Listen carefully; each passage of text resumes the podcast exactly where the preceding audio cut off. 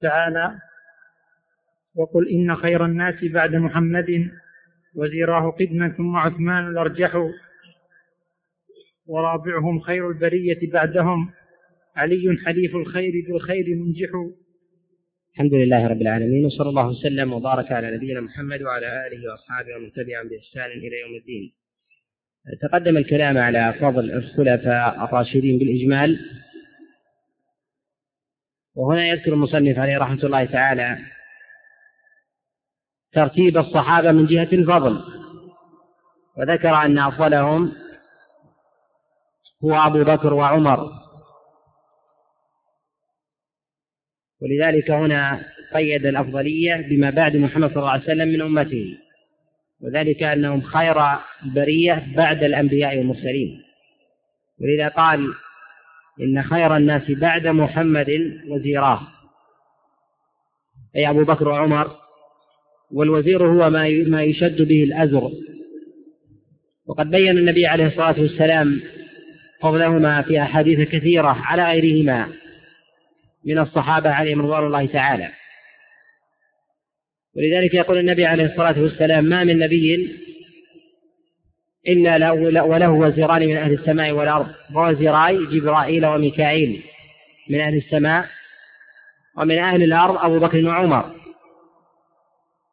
وقد ثبت أن الصحابة عليهم رضوان الله تعالى كانوا يفضلون في زمن النبي عليه الصلاة والسلام أبا بكر وعمر على غيرهم من الصحابة. ولذلك يقول عبد الله بن عمر كما في الصحيح كنا زمن النبي عليه الصلاة والسلام نفضل فنقول أبو بكر ثم عمر ثم عثمان ثم نمسك. وقد جاء ذلك من وجه آخر عن عبد الله بن عمر عليه رضوان الله تعالى عند ابن سعد بن وأبي نعيم في كتابه الحلية. قال ورسول الله صلى الله عليه وسلم شاهد ولا يقول شيئا. وهذا يدل على فضلهما ومكانتهما. وذلك أنهما من السابقين الداخلين في الإسلام وممن أزر النبي عليه الصلاة والسلام في دعوته. وهذا هو أصل عام أن السابقين أفضل من اللاحقين وكلهم في فضل الصحبة يشتركون وأن الله عز وجل قد رضي عنهم ورضوا عنه. إلا أن أبا بكر وعمر قد اشتركا في معازرة النبي عليه الصلاة والسلام والسبق في الصحبة. فاستحقا الفضل والمزية على غيرهم من الصحابة عليهم رضوان الله تعالى. وقد بين النبي عليه الصلاة والسلام فضل أبي بكر وفضل عمر بن الخطاب عليه رضوان الله تعالى صريحا على غيرهم كما جاء في الصحيح من حديث عائشة عليه رضوان الله تعالى أن النبي عليه الصلاة والسلام سئل أي الناس أفضل أو أحب إليك؟ فقال النبي عليه الصلاة والسلام عائشة قيل من الرجال قال أبوها.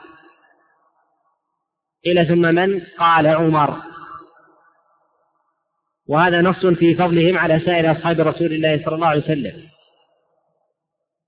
وقد تقدم أن منهج أهل السنة والجماعة في بيان الفضل أي فضل الصحابة أن السابقين أفضل ممن جاء بعدهم وأفضل السابقين أهل البيعة بيعة البيعة تحت الشجرة. ثم من شهد الحديبية مع رسول الله صلى الله عليه وسلم وأفضلهم العشرة المبشرون بالجنة. وأفضل العشرة الخلفاء الراشدين الأربعة وأفضلهم أبو بكر وعمر. وهذا الذي عليه أهل السنة والجماعة أنهم لا يقدمون أحدا من الصحابة على أبي بكر وعمر. ومن قدم أحدا من الصحابة على أبي بكر وعمر فقد ضل وتزندق.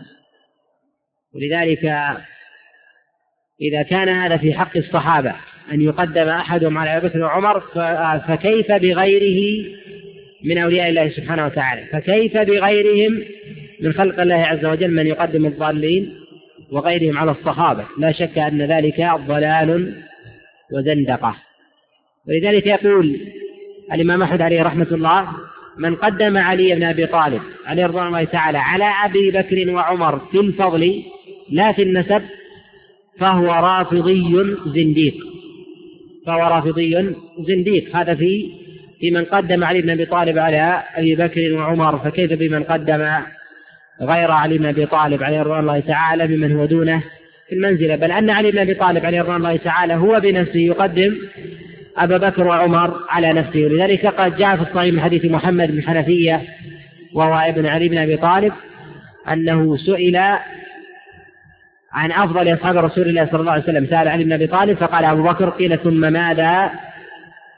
قال عمر. قال فخشيت أن يقول عثمان فقلت ثم أنت. قال ما أنا إلا واحد من المسلمين. وتقديم عثمان ابن عفان على علي بن أبي طالب هو الذي عليه عامة أهل السنة. وذهب بعضهم وهم قلة من أهل السنة وهذا ينسب لبعض السلف كسفيان الثوري. وغيره بتقديم علي بتقديم علي بن أبي طالب على عثمان. ومن قدم علي بن أبي طالب عليه رضوان الله تعالى على عثمان فقد خالف. ولذلك يقول العلماء أن التشيع عند الأوائل إذا وصفوا أحدا بالتشيع من التابعين فمرادهم بذلك أنه يقدم علي بن أبي طالب على عثمان. وأن الغلو في التشيع لم ينتشر ويشتهر إلا بعد ذلك من تقديم علي بن أبي طالب على أبي بكر وعمر وكذلك تأليه علي بن أبي طالب إنما إنما غلا فيه الرافضة بعد ذلك.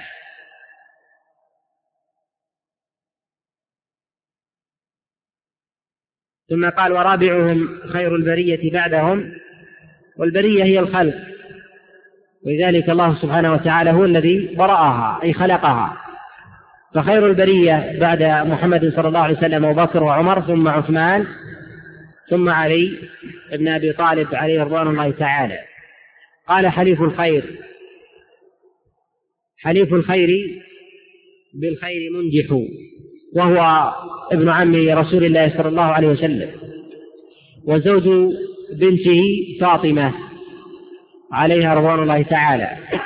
وأبو السبطين الحسن والحسين. وهو من أقرب الصحابة إلى رسول الله صلى الله عليه وسلم. ومن السابقين إلى الإسلام. وهو في الفضل بعد عثمان بن عفان عليه رضوان الله تعالى. والذي عليه عامة للسنة بل إجماعهم أن فضل الخلفاء الراشدين بحسب خلافته. بحسب ترتيبهم في الخلافة. ومن قدم علي بن أبي طالب على عثمان فهو مخالف في ذلك إلا أنه لا يبدع ويضلل ولكنه يوصف بالمخالفة بما عليه السلف. إذا حفظ لعثمان حقه وللصحابة بالإجمال حقهم فإنه يقال أنه على منهج أهل السنة والجماعة إلا أنه خالف في ذلك في تقديم علي بن أبي طالب على عثمان. ولذلك إذا وصف العلماء أحدا من التابعين وجملة من أتباع التابعين فالغالب أن المراد به تقديمهم علي بن أبي طالب على عثمان. ولا يريدون بذلك التشيع المعروف في عصرنا. وإذا أطلق التشيع عند المتأخرين فمرادهم بذلك تقديم علي بن أبي طالب على الخلفاء الراشدين كلهم والطعن في جملة من الصحابة على رضوان الله تعالى كأبي بكر وعمر. فمن تنقص أحدا من الخلفاء الراشدين فقد ابتدع وضل وتزندق ومن طعن في الصحابة بالإجمال فقد كفر بالله سبحانه وتعالى. وحكى الإجماع على كفر غير واحد من العلماء كالقاضي عياض وكذلك ابن عساكر وابن كثير وشيخ الإسلام تيمية والقرطبي وابن حزم الأندلسي وغيرهم من من أئمة الإسلام. وذلك أن الطاعن في الصحابة عليهم رضوان الله تعالى يريد طعنا بصحبتهم لا بهم وذلك أنه لا يجمل الطعن في أحد من الصحابة أحد إلا ويريد الصحبة. ولو أراد الطعن بأحد منهم بأفرادهم كأن يتهم أحدا منهم بالجبن أو البخل أو الغباء أو السذاجة أو الدروشة ونحو ذلك فذاك ضال. ضال ولكنه ليس بكافر. أما من طعن بهم بالجملة فأجمل الطعن والسب فقد كفر بالله سبحانه وتعالى لأنه ما لأن الصحابة ما اشتركوا بشيء من المذمة أو سوء الخلق الذي يزعمه أهل البدع أبدا. ولكنهم اشتركوا بمزية وفضل وهو الصحبة. فمن طعن بهم في الإجمال فقد طعن في صحبتهم برسول الله صلى الله عليه وسلم والطعن في الصحابة بالإجمال أو بأفرادهم هي بذرة يهودية. وذلك أنهم يريدون الطعن في الشريعة فلما كان لا يسلم لهم أحد الطعن بالشريعة وبالإسلام والكتاب والسنة أرادوا الطعن بالحملة. ولذلك نشأ الطعن من بعض الصحابة كأبي هريرة عليه رضوان الله تعالى واتهم بالكذب. وهم ما أرادوا في الحقيقة أبا هريرة ولكنهم أرادوا ما حمله من السنة فإذا طعن في أبي هريرة ويظن البعض المقصود أبي هريرة بنفسه فإنه يترتب على ذلك أن الأحاديث أو جملة آلاف من الأحاديث يرويها أبو هريرة عن النبي عليه الصلاة والسلام ويتفرد بها. وهذا هو الثمرة مما يريدون من طالب الصحابة. يريدون رد الشريعة والتنقص منها وأن يقع في النفوس شيئا من ذلك. كما وقع هذا في جملة من العقلانيين من المتأخرين من طعنوا بالصحابة عليهم رضوان الله تعالى لأنهم لا يستطيعوا أن يطعنوا في الشريعة مباشرة. وهذا من طرائق اليهود. أن يطعنوا في الحملة لا أن يطعنوا في المحمول. وهذه حيلة خبيثة في هدم الإسلام ومعالمه. أن يطعنوا في أهل العلم والفضل أو الصحابة وأئمة الإسلام ولا يريدون في ظاهر أمرهم ما يحملونه ولكنهم يريدون أشخاصا. حتى يتمكن تصديقهم في القلوب فحينئذ تسقط آراؤهم بسقوط أصحابها. نعم. وإنهم للرهط لا ريب فيهم. على نجب الفردوس بالنور تسرح هنا يشير إلى أنهم من أهل الجنة وقطع لهم بذلك لثبوت ذلك عن رسول الله صلى الله عليه وسلم. قل وإنهم للرهط. والرهط في لغة العرب هو ما دون العشرة. يقال ما بين الثلاثة إلى العشرة. وقيل ما هو أكثر من ذلك. قال لا ريب فيهم أي بلا شك أن ذلك الاعتقاد حق لا ريب فيه. على نجب الفردوس بالنور تسرح. والمراد بالنجب هي الإبل والنوق الكرام. وتساوى جمعها ناجبات ونجب. وأنهم يكونون على هذه النوق يوم القيامة في الفردوس يسرحون. والفردوس هو أعلى منازل الجنة ولذلك يقول النبي عليه الصلاة والسلام في الصحيح إن في الجنة مئة درجة أعدها الله للمجاهدين فإذا سألتم الله فاسألوه الفردوس الأعلى فإنه أوسط الجنة وأعلاها. وفوقه عرش الرحمن ومنه تنفجر أنهار الجنة وأعلى منازلها. والصحابة عليهم رضوان الله تعالى من الخلفاء الراشدين وغيرهم هم من أهل الفردوس. ولذلك هنا قطع لهم بأنهم من أهل الفردوس على نجب أي على نوق يسرحون فيها. وذلك أن رسول الله صلى الله عليه وسلم قد شهد لهم في أحاديث كثيرة كما في حديث أبي هريرة كما في حديث قال النبي عليه الصلاة والسلام اسكن أحد. وفي حديث أيضا حديث عبد الرحمن بن عوف وسعيد بن زيد في المسند والسنن النبي عليه الصلاة والسلام شهد للعشرة المبشرين بالجنة بها ولذلك اشتهروا بهذا الوصف بعشرة المبشرين المبشرين بالجنة. ومنهج أهل السنة والجماعة أن لا يشهدون لأحد من أهل الإسلام بالجنة بعينه. وإنما يقولون يرجى له الجنة وذلك لغياب شيء من من أركان الإيمان وهو ما يقع في قلب الإنسان. ولذلك النبي عليه الصلاة والسلام قد أنكر على أصحابه حينما شهدوا لأحدهم في الجنة حينما قاتل مع رسول الله صلى الله عليه وسلم. والقصة في ذلك مشهورة. فلا يشهد لأحد ممن هو في دائرة الإسلام في ظاهره أنه من أهل الجنة إلا من شهد له النبي عليه الصلاة والسلام. ولا يشهد لأحد بالنار. بعينه ما لم يتيقن موته على ذلك أو شهد له النبي عليه الصلاة والسلام بالنار. أو جاء في كتاب الله عز وجل كفرعون وأبي لهب وأمية بن خلف. قارون وهامان وغيرهم ممن شهد لهم النبي عليه الصلاة والسلام أنهم في النار. أما ما عداهم فيقال أنه من أهل النار إن مات على ما هو عليه وأهل الإيمان يرجى لهم الجنة. وإن تيقن أنه مات وهلك على كفره فإنه يشهد له بالنار بعينه. وهذا نادر. لكنه يقال بالإجمال أن الكفار خالدون في النار وأن اليهود والنصارى وغيرهم ممن خرج عن دين محمد صلى الله عليه وسلم من أهل النار خالدين فيها. فمن مات منهم على ملته فهو من أهل النار. ولا يشهد لأحد بعينه إلا من شهد له النبي عليه الصلاة والسلام. نعم. سعيد وسعد وابن عوف وطلحة وعامر فهر والزبير الممدح. وهؤلاء هم تتمة العشرة المبشرين بالجنة. سعيد وسعيد ابن زيد ابن عامر ابن نفيل ابن عم عمر بن الخطاب عليه رضوان الله تعالى. وسعد وسعد بن أبي وقاص من بني زهرة. وعبد الرحمن بن عوف من بني زهرة أيضا. وطلحة بن عبيد الله.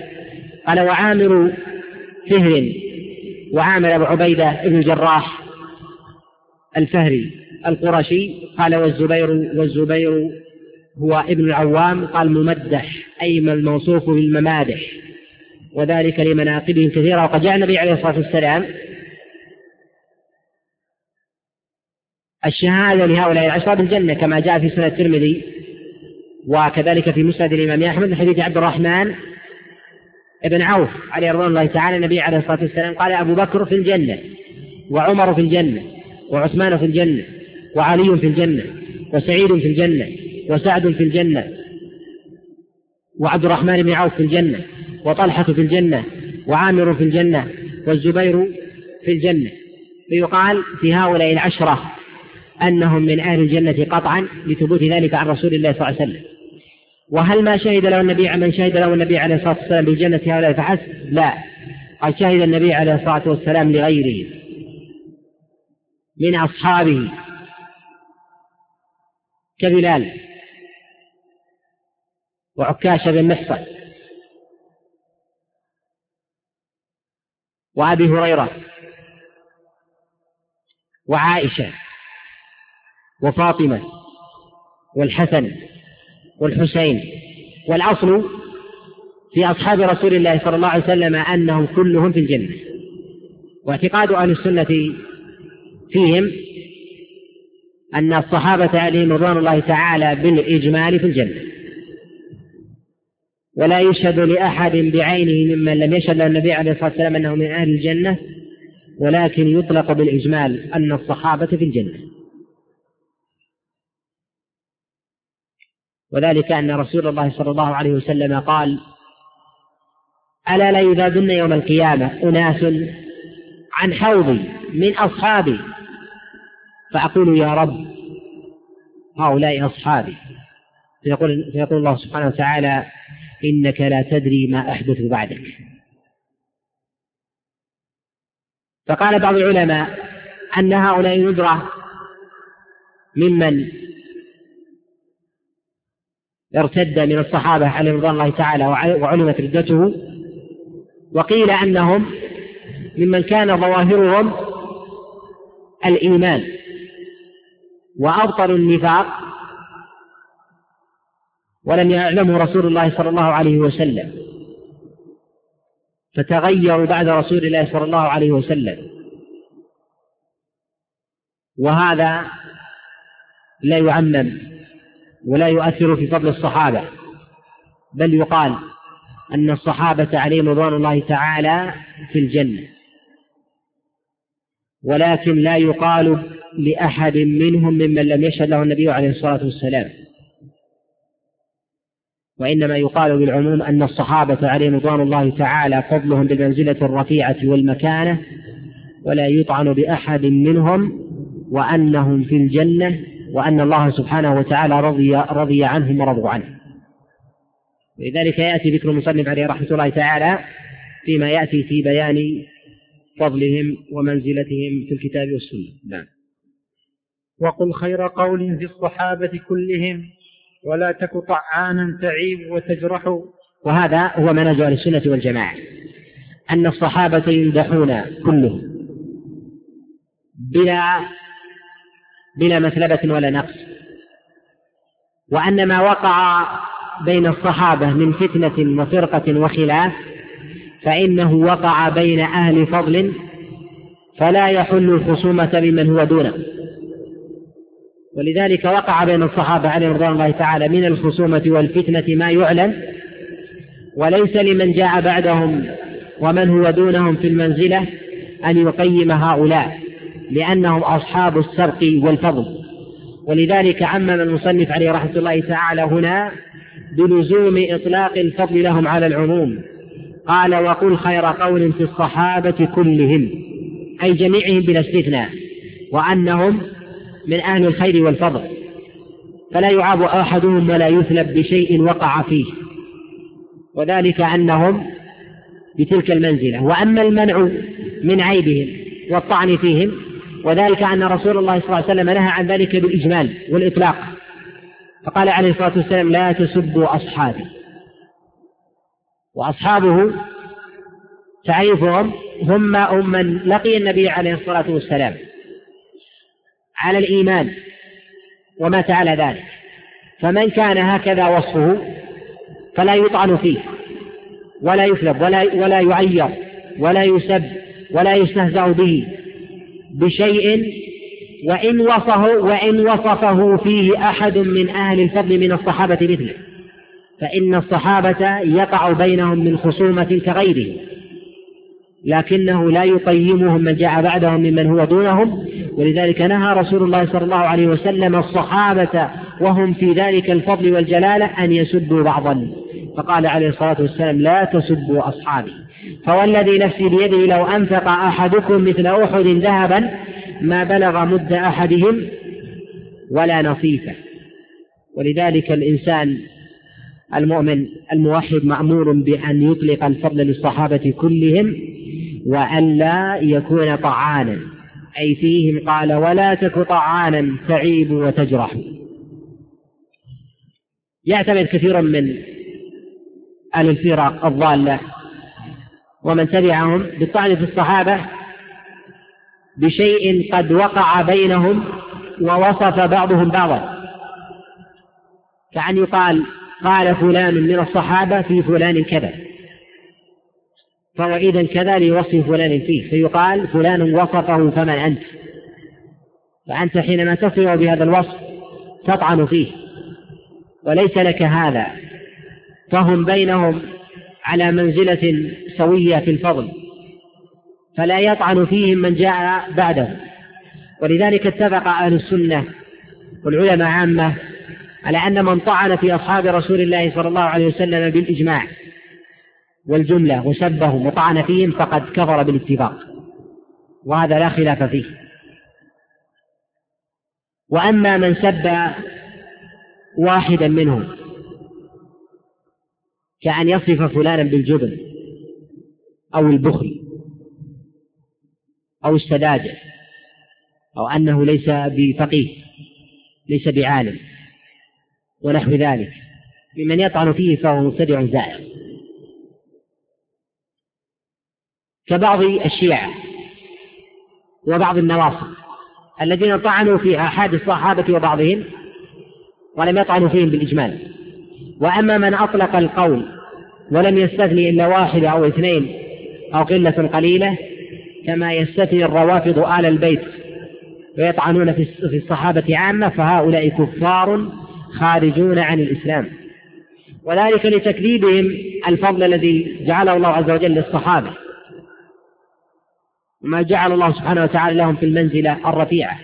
فمن طعن في أبي بكر أو شهد له بالنار فقد كفر. وكذلك عمر لتكذيبه ما ثبت عن رسول الله صلى الله عليه وسلم وتواتر عنه في فضل هؤلاء العشرة المبشرين بالجنة في أحاديث كثيرة عن رسول الله صلى الله عليه وسلم. ويشير هنا المصنف بقوله لا تك طعانا تعيب وتجرح نشوء فرق الضلال. بالطعن في الصحابة عليهم رضوان الله تعالى بدافع النصرة لصحابة آخرين وحملهم على ذلك الغيرة. ونشأ في الطعن في الصحابة فرقتان قديمتان. ونشأت فرقة متأخرة بعدهم. أما الفرقتان فأولهما الشيعة الذين طعنوا في من قدم غير علي على علي. وبلغ في غلاتهم أن طعنوا في الخلفاء الراشدين الأربعة سوى علي بن أبي طالب. وفي غلاتهم من طعن في سائر الصحابة إلا على البيت. فسبوهم وذموهم وطعنوا في أمهات المؤمنين فهؤلاء كفار لأنهم قد طعنوا بحملة الوحي. فإذا علمنا أن سائر التشريع إنما وصل إلينا عن هؤلاء الصحابة فإذا قلنا أنهم كفار فلا شريعة حينئذ مسلمة. والله عز وجل قد تكفل بحفظ دينه. وهذا من أصول ما ينقض عقيدة الرافضة ويبين كفرهم ووضوح انحرافهم عن الإيمان. ثم الفرقة الثانية وهم النواصب الذين نصبوا العداء لأهل البيت. وذلك بسبب غلو الشيعة في آل البيت وطعنهم في بعض الصحابة عليهم رضوان الله تعالى كمعاوية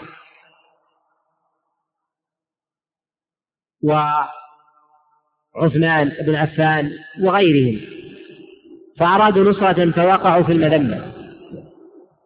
وهؤلاء من جملة المبتدعة. والنواصب أخف من الروافض. وذلك أن النواصب لا يطلقون بالعموم تضليل تفضيل الصحابة بخلاف الروافض الذين يطلقون بالعموم ولا يستثنون إلا آل البيت وهم عدد قليل. والصحابة بالآلاف فيضللونهم بالإجمال.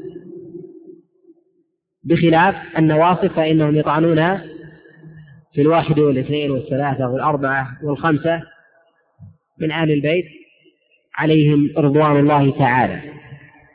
فالمؤمن الحق الموحد لا يطعن في أحد من الصحابة أبدا لا بالإجمال ولا بالتفصيل. وما وقع بينهم من خلاف فإن ذلك سلم الله عز وجل منه الإنسان في زمنهم فليسلم منه لسانه. لذلك سئل عمر بن عبد العزيز وكذلك غيره عما وقع بين الصحابة قال ذاك تلك فتنة سلم الله منها سيوفنا فلما لا يسلم الله منها ألسنتنا. والواجب على المؤمن أن يمسك عما وقع بين الصحابة عليهم رضوان الله تعالى. فقد يصف أحد الصحابة نظيره لشيء بينهم يصفه بالغدر أو الكذب ونحو ذلك فهؤلاء في مكانة ومنزلة سوية. فليس لأحد جاء بعدهم أن يقيم ذلك مصيب وذلك مخطئ. ولكن أهل السنة فيما وقع في الفتنة بين علي بن أبي طالب عليه رضوان الله تعالى ومن خالفه قالوا بالإجمال بصواب بصواب علي بن أبي طالب وأن الحق معه. وذلك لقول النبي عليه الصلاة والسلام لعمار بن ياسر كما جاء في الصحيحين ويح عمار تقتله الفئة الباغية. وقتل في صف علي بن أبي طالب عليه رضوان الله تعالى. ولذلك الإمام الشافعي عليه رحمة الله في باب قتل البغاة في كتابه الأم أورد قصة علي بن أبي قصة علي بن أبي طالب عليه رضوان الله تعالى مع قتاله لبعض الصحابة. قد طعن في الإمام الشافعي في هذا فانتصر له الإمام أحمد عليه رحمة الله فقال إن لم يضع في باب قتال البغاة قصة علي بن أبي طالب فماذا فماذا يصنع؟ وذلك لظهور النص عن رسول الله صلى الله عليه وسلم. لكن هذا لا يعني قدحا لأحد من الصحابة من خصوص علي بن أبي طالب بعينه وإلحاق المذمة والمنقصة لأنهم كلهم كانوا أهل اجتهاد وأرادوا بذلك صوابا. والله عز وجل والله عز وجل أرحم بعباده من من من أرحم بعباده من عباده. نعم. فقد نطق الوحي المبين بفضلهم وفي الفتح آي للصحابة تمدح يقول فقد نطق الوحي المبين بفضلهم الوحي تقدم أنه الكتاب والسنة ولذلك الكتاب والسنة موصوفان بالإنزال والوحي ولذلك يقول الله سبحانه وتعالى عن النبي عليه الصلاة والسلام وما ينطق عن الهوى إن هو إلا وحي يوحى. وذلك أن كلام رسول الله صلى الله عليه وسلم وحي. فإن كان لرسول الله صلى الله عليه وسلم علم من الله عز وجل سابق قبل أن يسأل أجاب السائل حال سؤاله. وإن لم يكن لديه علم من الله عز وجل سابق فإنه ينتظر الوحي حتى ينزل إليه. ولا يقول شيئا من قبل رأيه. والدليل على ذلك ما رواه البخاري ومسلم من حديث يعلى بن أمية أن النبي عليه الصلاة والسلام كان بالجعرانة فجاءه رجل وهو محرم وعليه جبة وهو متضمخ بخلوق يعني طيب. فقال للنبي عليه الصلاة والسلام يا رسول الله ما تقول في رجل متضمس بخلوق وعليه جبة؟ قد أهل بعمرة. فنظر إليه النبي عليه الصلاة والسلام ثم أطرق رأسه فنزل عليه الوحي فأدبر الرجل. قال فأخذ العرق يتصبب من رسول الله صلى الله عليه وسلم ثم رفع رأسه فقال أين الرجل؟ فأتي به فقال النبي عليه الصلاة والسلام أما الجبة فانزعها واغسل عنك أثر الخلوق واصنع في عمرتك ما تصنع في حجك. فيه دليل على أن رسول الله صلى الله عليه وسلم لا يتكلم إلا بوحي. وأنه إن سئل في الحال فأجاب فلعلم سابق من الله عز وجل له. وإن لم يكن لديه علم انتظر الوحي كما في هذه الحال. ولذلك القرآن والسنة موصوفان بالإنزال ولذلك يقال الوحيان الشريفان. قال فقد نطق فقد نطق الوحي الوحي المبين بفضلهم. أي بفضل الصحابة عليهم رضوان الله تعالى بالإجمال والآيات في ذلك كثيرة. ولذلك يقول الله عز وجل رضي الله عنهم ورضوا عنه. والأحاديث في سنة رسول الله صلى الله عليه وسلم كثيرة قد تقدم الإشارة إليها كما في الصحيح لا تسبوا أصحابي وقول عليه الصلاة والسلام الصحابة أمانة لأمتي وفإذا ذهب الصحابة أتى أمتي ما يوعدون وقال وفي الفتح آي للصحابة تمدح وسورة الفتح فيها من الممادح وبيان فضل أصحاب رسول الله صلى الله عليه وسلم ما لا يحصى. وأشار إلى سورة الفتح بذاتها لكثرة الآي التي تبين فضل أصحاب رسول الله صلى الله عليه وسلم بالإجمال من غير استثناء. وهذا يدل على العموم. ولذلك يقول الله عز وجل مادحا لهم في سورة الفتح محمد رسول الله والذين آمنوا معه أشداء على الكفار رحماء بينهم. ويقول الله سبحانه وتعالى لقد رضي الله عن المؤمنين إذ يبايعونك تحت الشجرة. وهذا دليل على رضا الله عز وجل له المطلق والمدح مطلق وكذلك قال الله سبحانه وتعالى رضي الله عنهم ورضوا عنه. وهذا يدل على أن الصحابة عليهم رضوان الله تعالى بالإطلاق أهل فضل ومدح وأنه لا يليق بمؤمن إلحاق منقصة وعيب بأحد منهم وإن كانت وإن كان الصحابة عليهم رضوان الله تعالى في الآدمية والبشرية يقع منهم من الخطأ والزلل والذنوب ما يقع وهذا لا خلاف فيه عند عند أهل السنة فهم ليسوا بمعصومين. كما يقول الضلال من أهل من الشيعة والرافضة الذين يقولون بعصمة أهل البيت أي أنهم معصومون من الخطأ والزلل. فلا يوجد أحد معصوم من الخطأ والزلل بالإطلاق من الصحابة عليهم رضوان الله تعالى.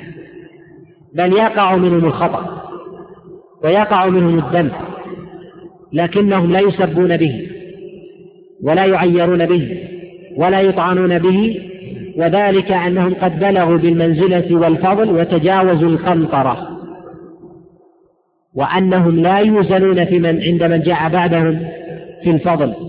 ولذلك لشيء وقر في قلوبهم لقوله عليه الصلاة والسلام لو أن أحدكم أنفق مثل أحد ذهبا ما بلغ مد أحدهم المد هو ملء الكفين المعتدلتين مثل أحد ذهبا ما بلغ مد أحدهم ولا نصيبه. وهذا يدل على أن العبرة ليست بظواهر العمل ولكن بما يقع في القلوب. فلا ينتقص من أحد من الصحابة. وإن جهل أمره لأنهم كانوا نصرة للصحابة ومبلغة للدين.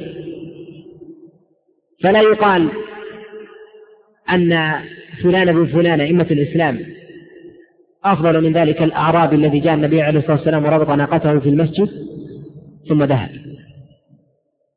وأن ذلك الإمام أو ذلك التابعي أفضل من ذلك الأعرابي الذي جاء وبال في المسجد ونحو ذلك فهذا ليس على منهج أهل السنة بل يقال أن الصحابة عليهم رضوان الله تعالى أفضل ممن جاء بعدهم.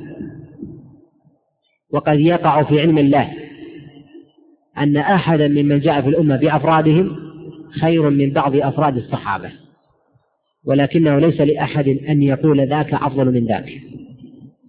ولذلك لا يفضل أحد من الصحابة على غيره من الصحابة ممن لم يرد في حقه تفضيلا بعينه فلا يقال عبد الله بن عباس أفضل من عبد الله بن مسعود أو عبد الله بن عمر أفضل من عبد الله بن مسعود ونحو ذلك. فهؤلاء يقال صحابة وفي الفضل سواء. والتفضيل يفتقر إلى نص والفضل جاء بعمومه. والخوض في مثل هذه المسائل والمبالغة في تقييم الصحابة هذا أصله نبتة رافضية. الذين قد جعلوا الصحابة في الميزان فمن غالي ومن جافي في هذا الباب. والفرقة الثالثة التي نشأت بعد ذلك هي فرقة العقلانيين. الذين أرادوا وهم طوائف من المعتزلة. الذين أرادوا رد السنة بالطعن في الصحابة. فجاء الطعن بأبي هريرة. وذلك أنه قد روى جملة وافرة من أحاديث النبي عليه الصلاة والسلام. وتفرد بها لملازمة النبي عليه الصلاة والسلام وأرادوا بذلك رد الوحي من وجه آخر وحيلة بالطعن بالناقل. وبالجملة أن من طعن في الناقل إذا كان من أهل الفضل فإنه ما أراد الناقل بعينه وإنما أراد المنقول.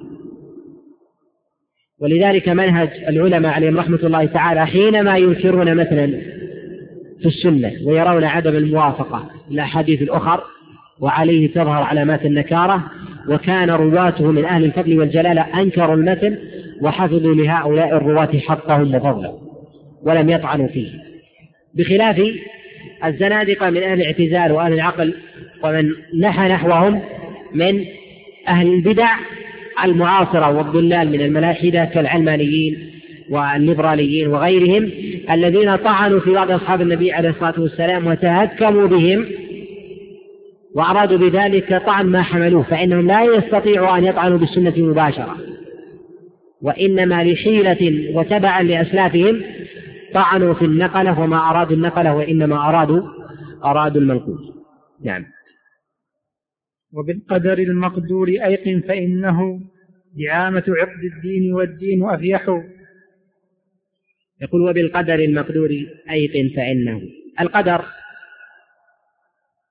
هو ما قدره الله سبحانه وتعالى من مقادير للخلائق فالله عز وجل قد قسم بين الناس أرزاقهم.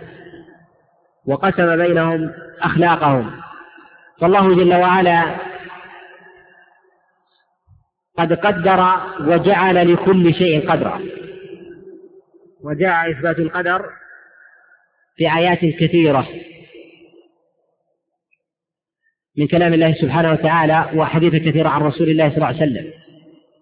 ولذلك يقول الله جل وعلا في كتابه العظيم إنا كل شيء خلقناه بقدر. وكان أمر الله قدرا مقدورا. وقال الله جل وعلا فقدرنا فنعم القادرون. فالله سبحانه وتعالى قد قدر كل شيء. يحدث ولذلك قد ثبت عن عبد الله بن عباس كما روى البخاري في كتابه الأدب قال كل شيء بقدر حتى وضعك يدك على كفك. أنه من قدر الله سبحانه وتعالى. ولذلك يجب على المؤمن بل لا يتحقق إيمانه بالله سبحانه وتعالى إلا أو أن يؤمن بالقدر ولذلك الإيمان بالقدر من أركان الإيمان. ولذلك لما سئل النبي عليه الصلاة والسلام عن الإيمان قال أن تؤمن بالله وملائكته وكتبه ورسله وبالقدر خيره وشره وباليوم الآخر. كما جاء في الصحيحين من حديث أبي هريرة وجاء عند الإمام مسلم من حديث عبد الله بن عمر عن عمر بن الخطاب عليه رضوان الله تعالى. وهذه تسمى أركان الإيمان. فالإيمان بالقدر من أركان الإيمان. فمن أنكر القدر فقد كفر بالله سبحانه وتعالى لتكذيبه الآيات الكثيرة والأحاديث الكثيرة عن رسول الله صلى الله عليه وسلم. وظهرت بدعة إنكار القدر في أواخر عصر الصحابة عليهم رضوان الله تعالى. ولذلك قد روى الإمام مسلم من حديث عبد الله بن بريدة وكذلك يحيى بن يعمر أنهما ذهبا إلى عبد الله بن عمر عليه رضوان الله تعالى وكان في المدينة يبلغوه بأن أناسا ينكرون القدر. قال فأتينا إلى عبد الله بن عمر فقلنا إن ناسا يزعمون أن لا قدر وأن الأمر أنف أي يستأنف في الحال. قال إذا رأيت أولئك فأخبرهم أني بريء منهم وأن الله بريء منهم ثم قال ولا ولا يكون إيمان أحد حتى يؤمن بالقدر. ثم أورد قصة قصة جبريل في إتيانه النبي عليه الصلاة والسلام القصة المعروفة. ولا يتحقق إيمان الإنسان بالقدر إلا بإيمانه بمراتبه الأربعة. ومراتب القدر الأربعة أولها العلم.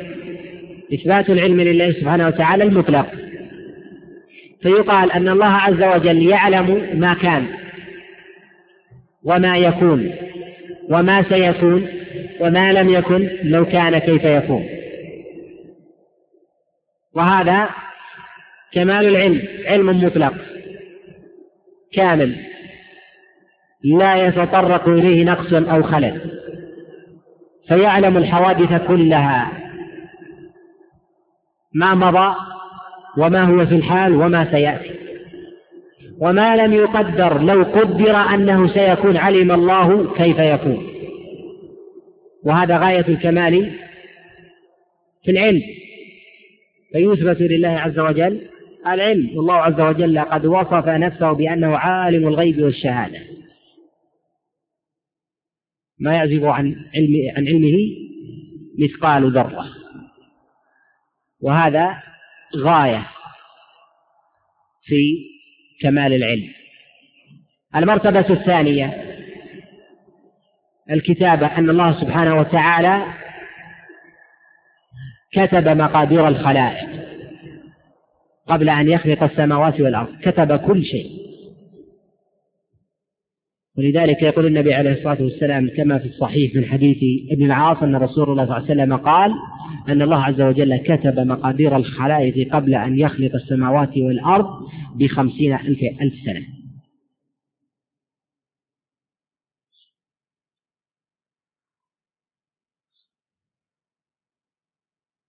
ولذلك جاء في الخبر من حديث عبادة بن صامت أن رسول الله صلى الله عليه وسلم قال أول ما خلق الله القلم فقال اكتب. قال وما أكتب قال وما أكتب قال اكتب مقادير كل شيء. أمره الله عز وجل بما يكتب. المرتبة الثالثة إثبات المشيئة لله سبحانه وتعالى. وأن الله عز وجل ما شاء يكون وما لم يشاء لم يكن. ولذلك أثبت الله عز وجل مشيئة لعبده لكن بعد مشيئته كما قال تعالى وما تشاءون إلا أن يشاء الله.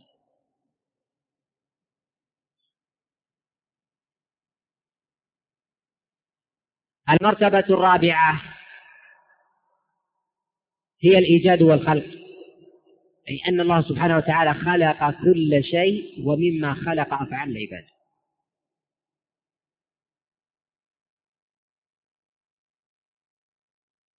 ولذلك أفعال العباد مخلوقة.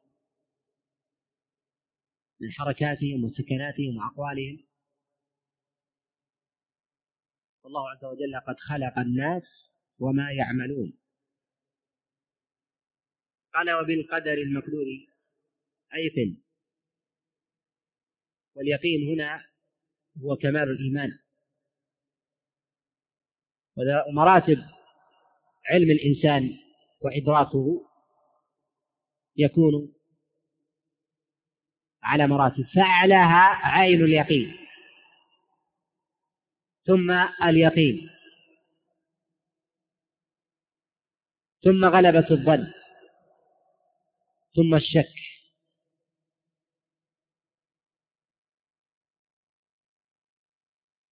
والمؤمن مأمور باليقين بالإيمان بالقدر وذلك لأن الله عز وجل قد أمر بذلك وأمر بالإيمان به. والنصوص في الأمر بالإيمان بالقدر وإثباته كثيرة في الكتاب والسنة. قال فإنه دعامة عقل الدين. والدعامة هي العلامة الركيزة الواضحة البينة التي تدل على إيمان الإنسان. وفيه دليل على أن إنكار القدر دعامة على نقض دين الإنسان.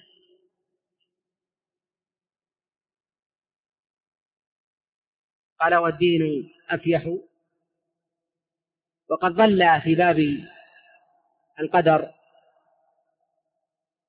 طوائف فرق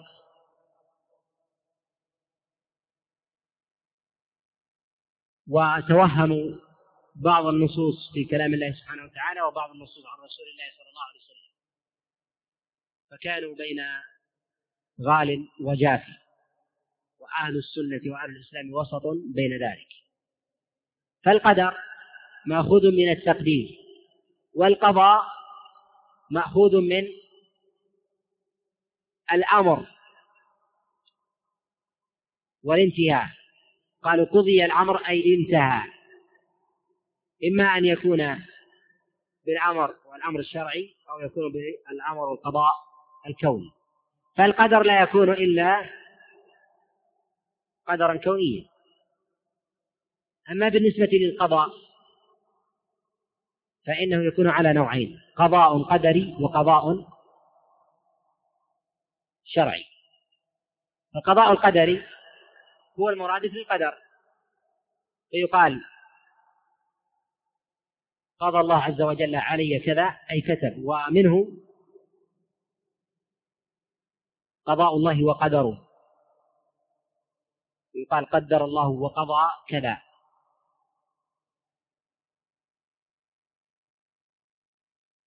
مأخوذ من من انتهاء الأمر أي أنه حسم وانتهى.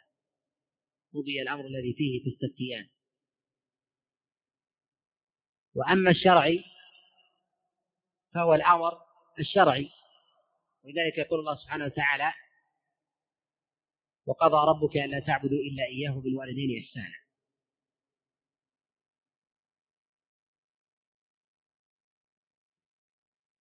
قد ظل في هذا طوائف. الطائفة الأولى هم القدرية.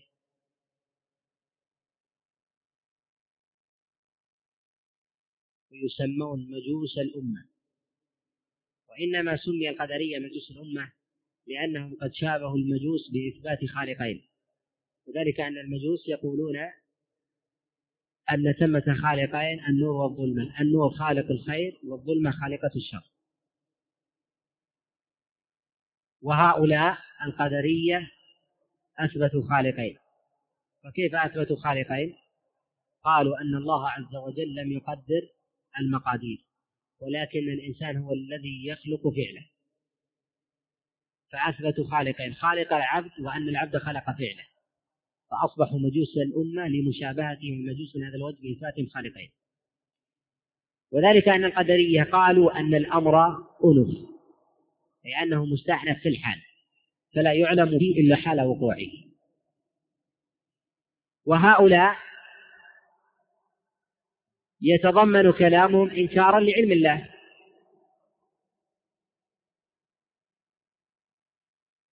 ولا يوجد أحد من الطوائف التي تنتمي للإسلام من ينكر علم الله سبحانه وتعالى بالإجمال.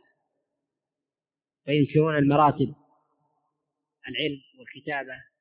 والمشيئة والإيجاد بالإجمال ولكن وجد من ينكر القدر وينكر الكتابة ويثبت العلم. والقدرية يخاصمون بعلم الله سبحانه وتعالى لذلك يقول الإمام أحمد عليه رحمة الله خاصم القدرية بعلم الله. فإن أنكروه كفروا وإن آمنوا به خصموا. فإن القدري الذي يقول أن الله عز وجل لا يعلم ما يستقبل يقال هل الله عز وجل عالم بما يأتي؟ فإن أثبت العلم خصم فإن المراد بالقدر هو علم الله عز وجل بما يحدث وأنه مقدر له. فإنه يخصم وإن أنكر كذب القرآن وكفر.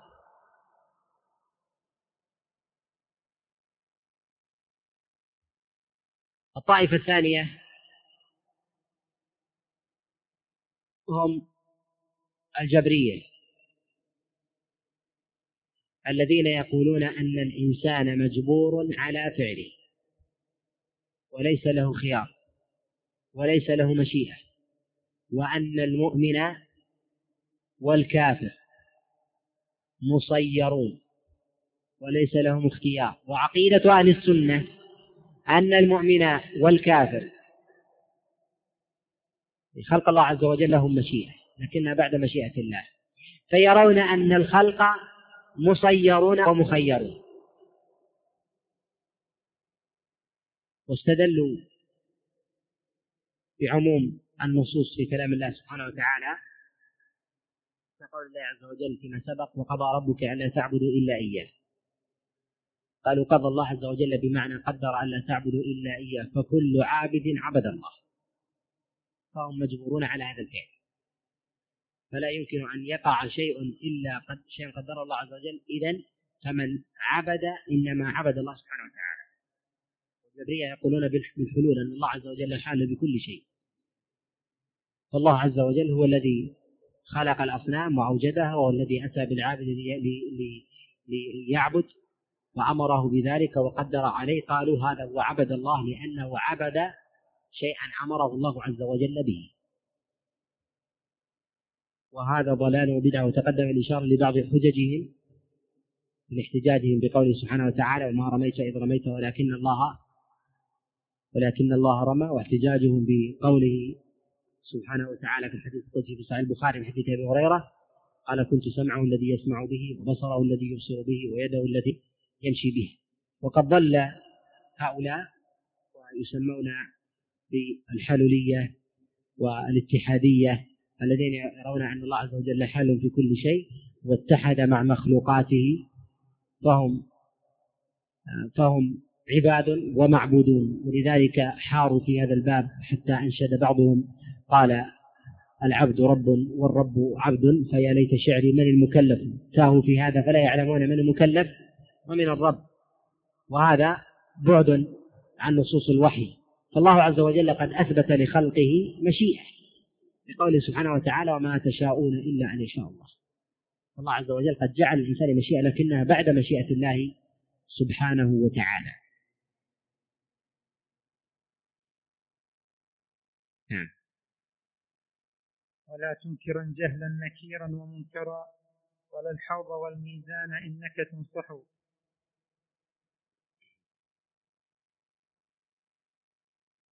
ولا تنكرن جهلا نكيرا ومنكرا. وأراد بذلك حياة البرزخ وهي المرحلة بين الدنيا والآخرة. وسميت برزخ لأنها بين بين الدنيا والآخرة. فيجب على المؤمن أن يؤمن بأن الإنسان يمتحن ويفتتن وأنه يأتيه ملكان يسألانه في قبره من ربك وما دينك ومن نبيك. وهذان الملكان جاء في حديث أنس بن مالك عند الترمذي أن اسمهما منكرا ونكيرا. وإسناده جيد. قد مال إلى جودة إسناده الإمام أحمد عليه رحمة الله. ومن باب الفائدة فإن أسماء الملائكة عليهم السلام أعجمية كلها إلا أربعة. وذلك فمنكر ونكير ومالك خازن خازن النار ورضوان. هذه عربية وليست أعجمية. ما عدا ذلك فإنها أعجمية وليست بعربية. كذلك الأنبياء كلهم أسماءهم أعجمية. إلا أربعة. هم هود وصالح وشعيب ومحمد صلى الله عليه وسلم.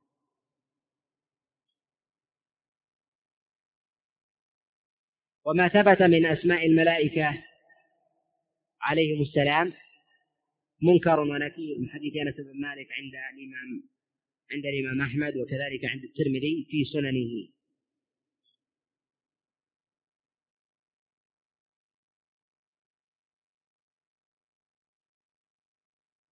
كذلك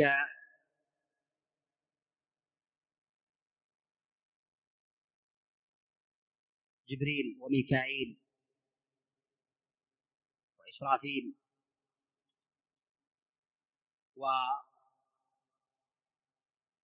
ورقيب وعتيد ورضوان خازن الجنة وأما عزرائيل ملك الموت فلم يصح فيه شيء عن النبي عليه الصلاة والسلام. وإما جاء وإنما جاء عند أبي الشيخ في كتاب العظمة من قول ابن وهب حكاية أن اسمه إسرافيل ولا يثبت في ذلك شيء عن رسول الله صلى الله عليه وسلم. فقول المصنف عليه رحمة الله هنا ولا تنكرا جهلا. هنا وصف بالجهالة من ينكر منكرا منكرا ونكيرا. والمراد بالجهالة هي المعصية والذنب التي يخالف فيها الإنسان الحق سواء على علم أو بغير علم. فما عصي الله عز وجل إلا بجهالة. فكل معصية جهالة. وأراد بذلك هنا العموم. سواء على علم أو غير علم يجب عليك أن لا تنكر ذلك. فإن كان بعلم فقد خالفت الدليل. وظهر منك مكابرة للدليل الظاهر أمامك فأنت على علم به. وإن كان عن جهل ولم تنظر في الدليل فيجب عليك أن تبحث به فإنه ثابت. لا تنكرا جهلا فإن أنكرت فإنك جاهل عن وجهه. يجب على المؤمن أن يعتقد أن المؤمن يفتن في قبره. وأنه يسأل عن ربه ونبيه ودينه. وأن المؤمن يفسح له في قبره. وأما ضمة القبر فقد جاء في أحاديث عن رسول الله صلى الله عليه وسلم وكلها معلولة.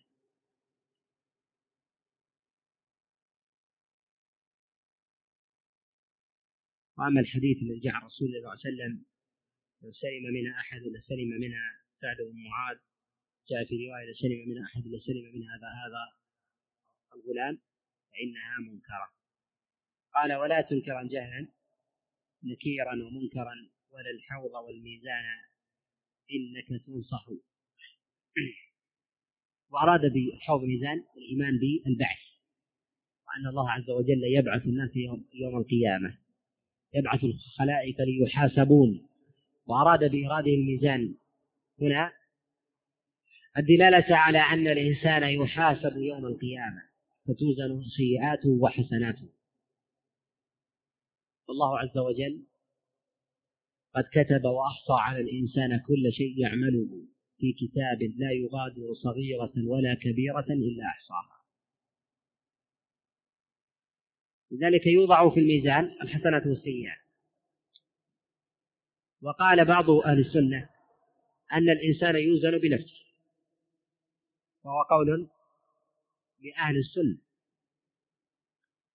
استدلوا ببعض الأحاديث في قول النبي عليه الصلاة والسلام لعبد الله بن مسعود لما قال في ساقيه قال والله إنهما لفي الميزان أثقل من جبل أحد. لما كان كان أحمش الساقين. فالحوض قد جاء في أدلة كثيرة عن رسول الله صلى الله عليه وسلم.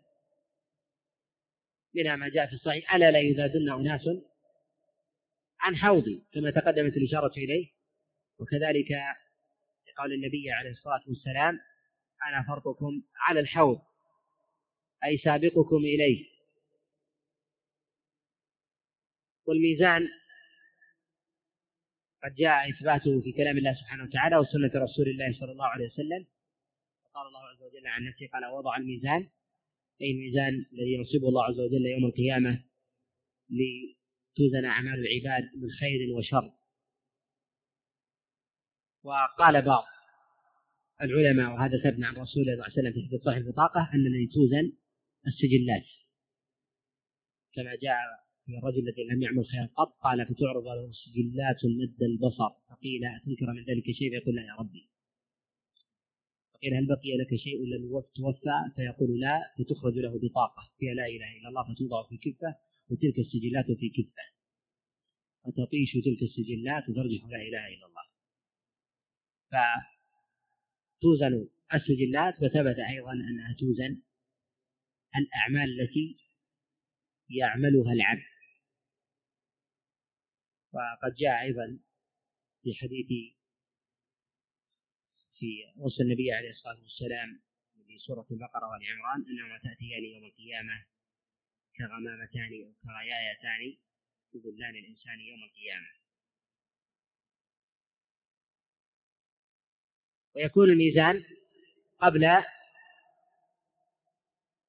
قبل أن يقاد الناس إلى الجنة والنار. والميزان إنما كان لإقرار العباد ومخاطبتهم بما يعقلون وإلا فالله عز وجل يحصي كل شيء. ولذلك الله عز وجل قد جعل للإنسان شهيدا من نفسه فتنطق يده ورجله وتشهد عليه. كذلك بشرته وتشهد الأرض التي يمشي عليها. وجعل له من الملكين ما يكتب عليه الحسنات والسيئات. ولذلك يجب على المؤمن أن يؤمن بأن الله عز وجل يبعثه يوم القيامة ويقره بما عمل من خير وشر. والإيمان بالقدر والإيمان بالبعث والنشور يوم القيامة هو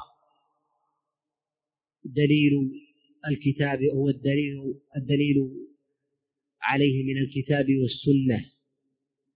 متوافر متواتر متضافر. من شكك في ذلك كفر. بل أن الملاحدة وأهل العقل قد مالوا إلى الإيمان بالبعث والنشور لأن بالإيمان به سلامة وذلك يقول ذلك يقول أبو العلاء المعري وهو من هو ممن اتهم بالزندقة حينما جاءه منكر البعث والنشور ماذا قال لهم؟ قال ممتثلا يقول قال المنجم والطبيب كلاهما. لا تبعث الأموات قلت إليكما. إن صح قولكما فلست بخاسر أو صح قولي فالخسار عليكما. وذلك أن العقل يقول أن الإنسان ينبغي أن يحتاط في نفسه. فإذا قال إنسان وكان ذلك مجرد عن دليل لنفترض أن ثمة بعث ونشور فالمؤمن بهذا البعث والنشور والمعد له إما سالم وإما فائز. فائز إن كان ثمة بعث ونشور وناج وسالم إن لم يكن ثمة شيء. ومن لم يؤمن بالبعث والنشور هالك إن كان ثمة بعث ونشور وسالم إن لم يكن ثمة شيء. وأيهما الرابح؟ من آمن. ولذلك يقول أبو العلاء قال المنجم والطبيب كلاهما لا تبعث الأموات قلت إليكما إن صح قولكما فلست بخاسر أي الإنكار أو صح قولي فالخسار فالخسار عليكما. وهذا يخاطب به الملاحدة بالعقل. كيف والمؤمن مأمور بالإيمان؟ وجاءت نصوص بذلك كثيرة في الكتاب والسنة. ببيان البعث والنشور وهذا أمر من المسلمات من شكك به كفر. فضلا عمن جحد به. فمن شكك بالبعث والنشور الله عز وجل يحشر الناس يوم القيامة ويحاسبهم عما فعلوا فقد كفر بالله سبحانه وتعالى وخرج من الإسلام. نعم. وقل يخرج الله العظيم بفضله من النار أجسادا من الفحم تطرح فيه دليل على إثبات الجنة والنار. أراد المصنف بيان أن إثبات الجنة والنار من اعتقاد أهل الإسلام ومن أنكر ذلك فقد كذب بنصوص الكتاب والسنة. وأن الله عز وجل ما خلق الجنة والنار إلا لتكون الجنة لأهل الإيمان والنار لأهل الكفر والعصاة إن لم يرحمهم الله عز وجل. وهنا قال يخرج الله العظيم بفضله من النار.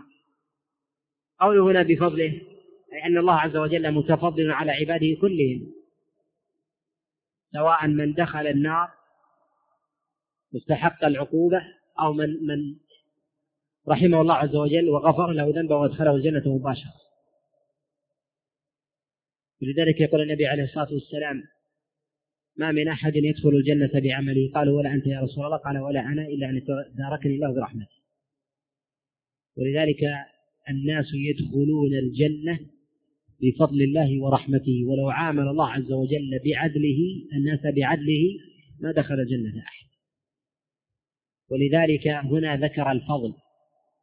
يقول يقول هنا وقد يخرج الله وقل, وقل يخرج الله العظيم بفضله من النار أجسادا من الفحم تطاق والمراد بذلك من دخل النار من أهل من أهل الإيمان ممن استحق النار. وفيه دليل على أن بعض أهل الإيمان يدخلون النار لأنهم استوجبوها لأن الله عز وجل لم يغفر لهم ذنبهم ذلك.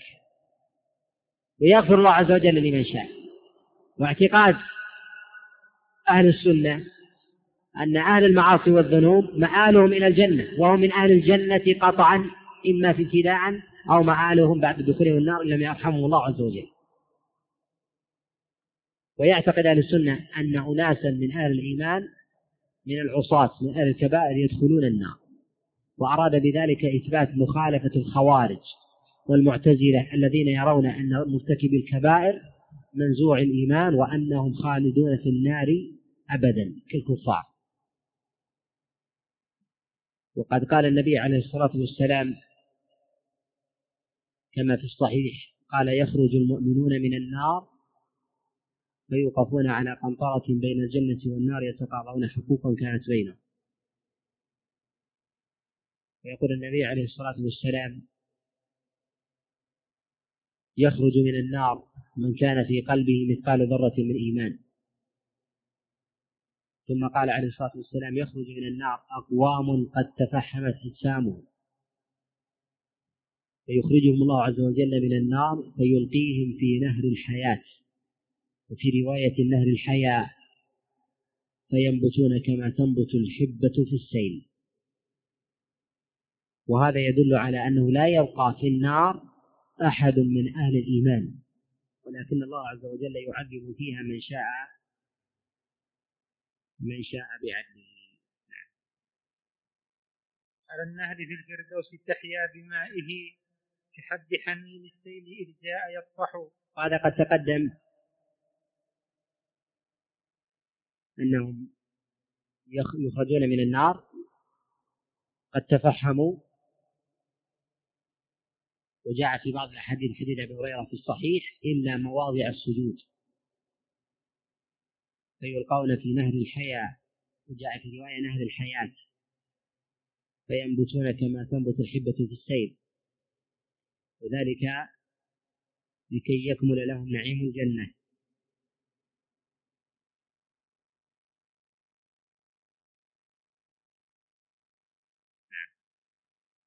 وإن رسول الله للخلق شافع وقل في عذاب القبر حق موضح.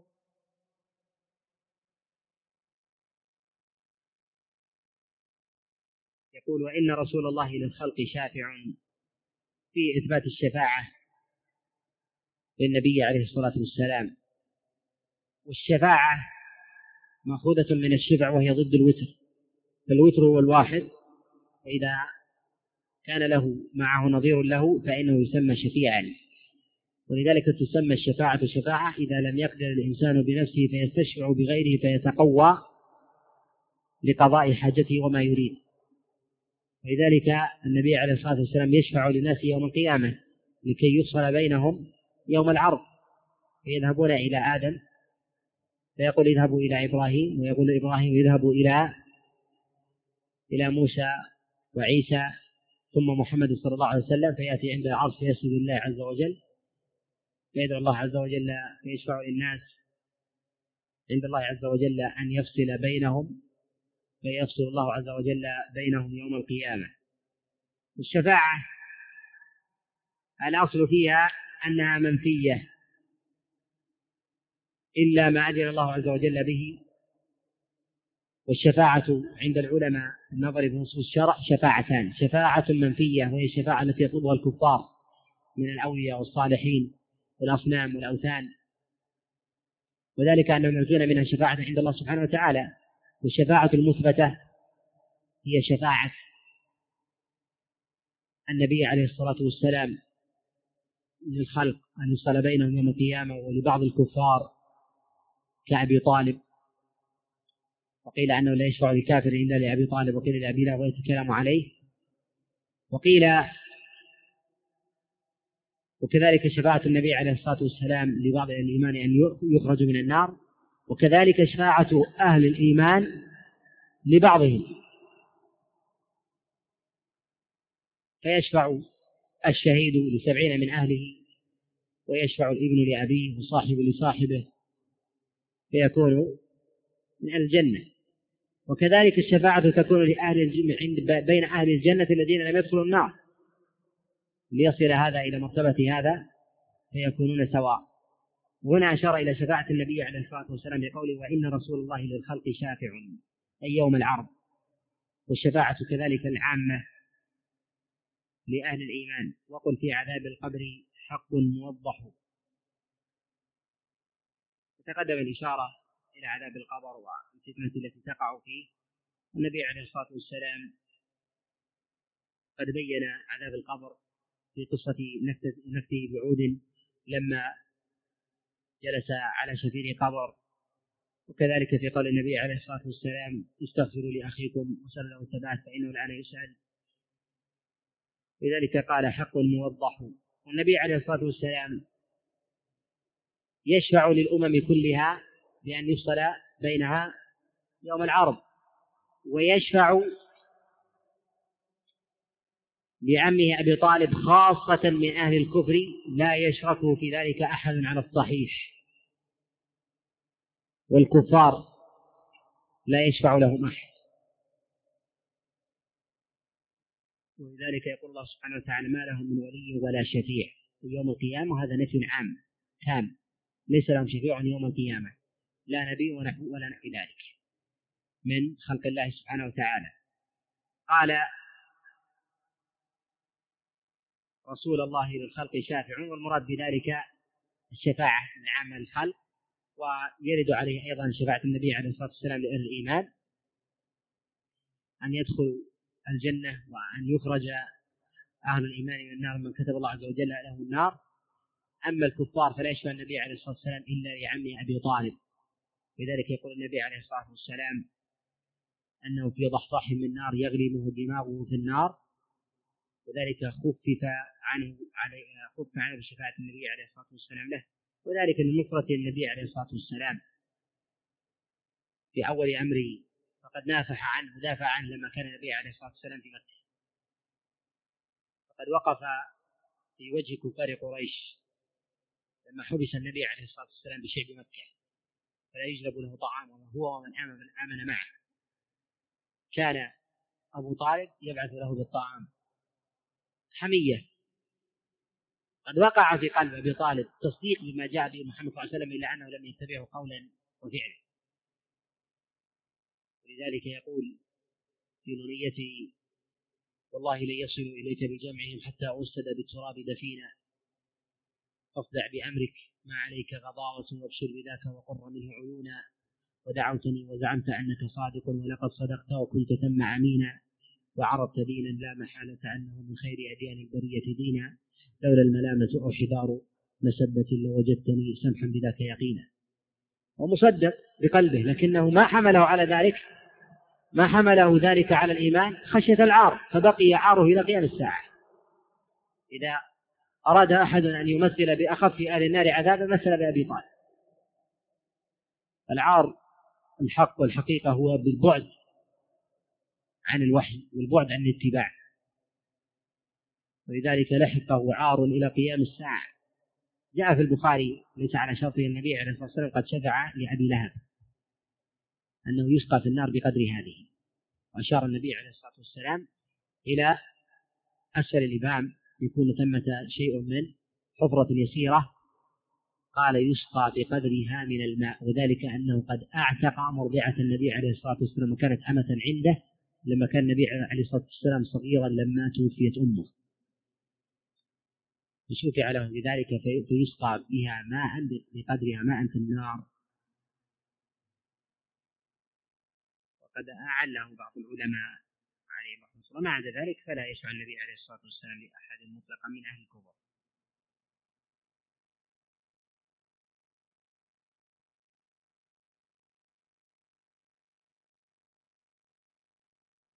لأن نقف إلى هذا القدر ونكمل ما تبقى في وننهي هذه الرسالة بإذن الله عز وجل في المجلس القادم بعد العصر ونكتفي بذلك بإذن الله صلى الله عليه وسلم وبارك على نبينا محمد.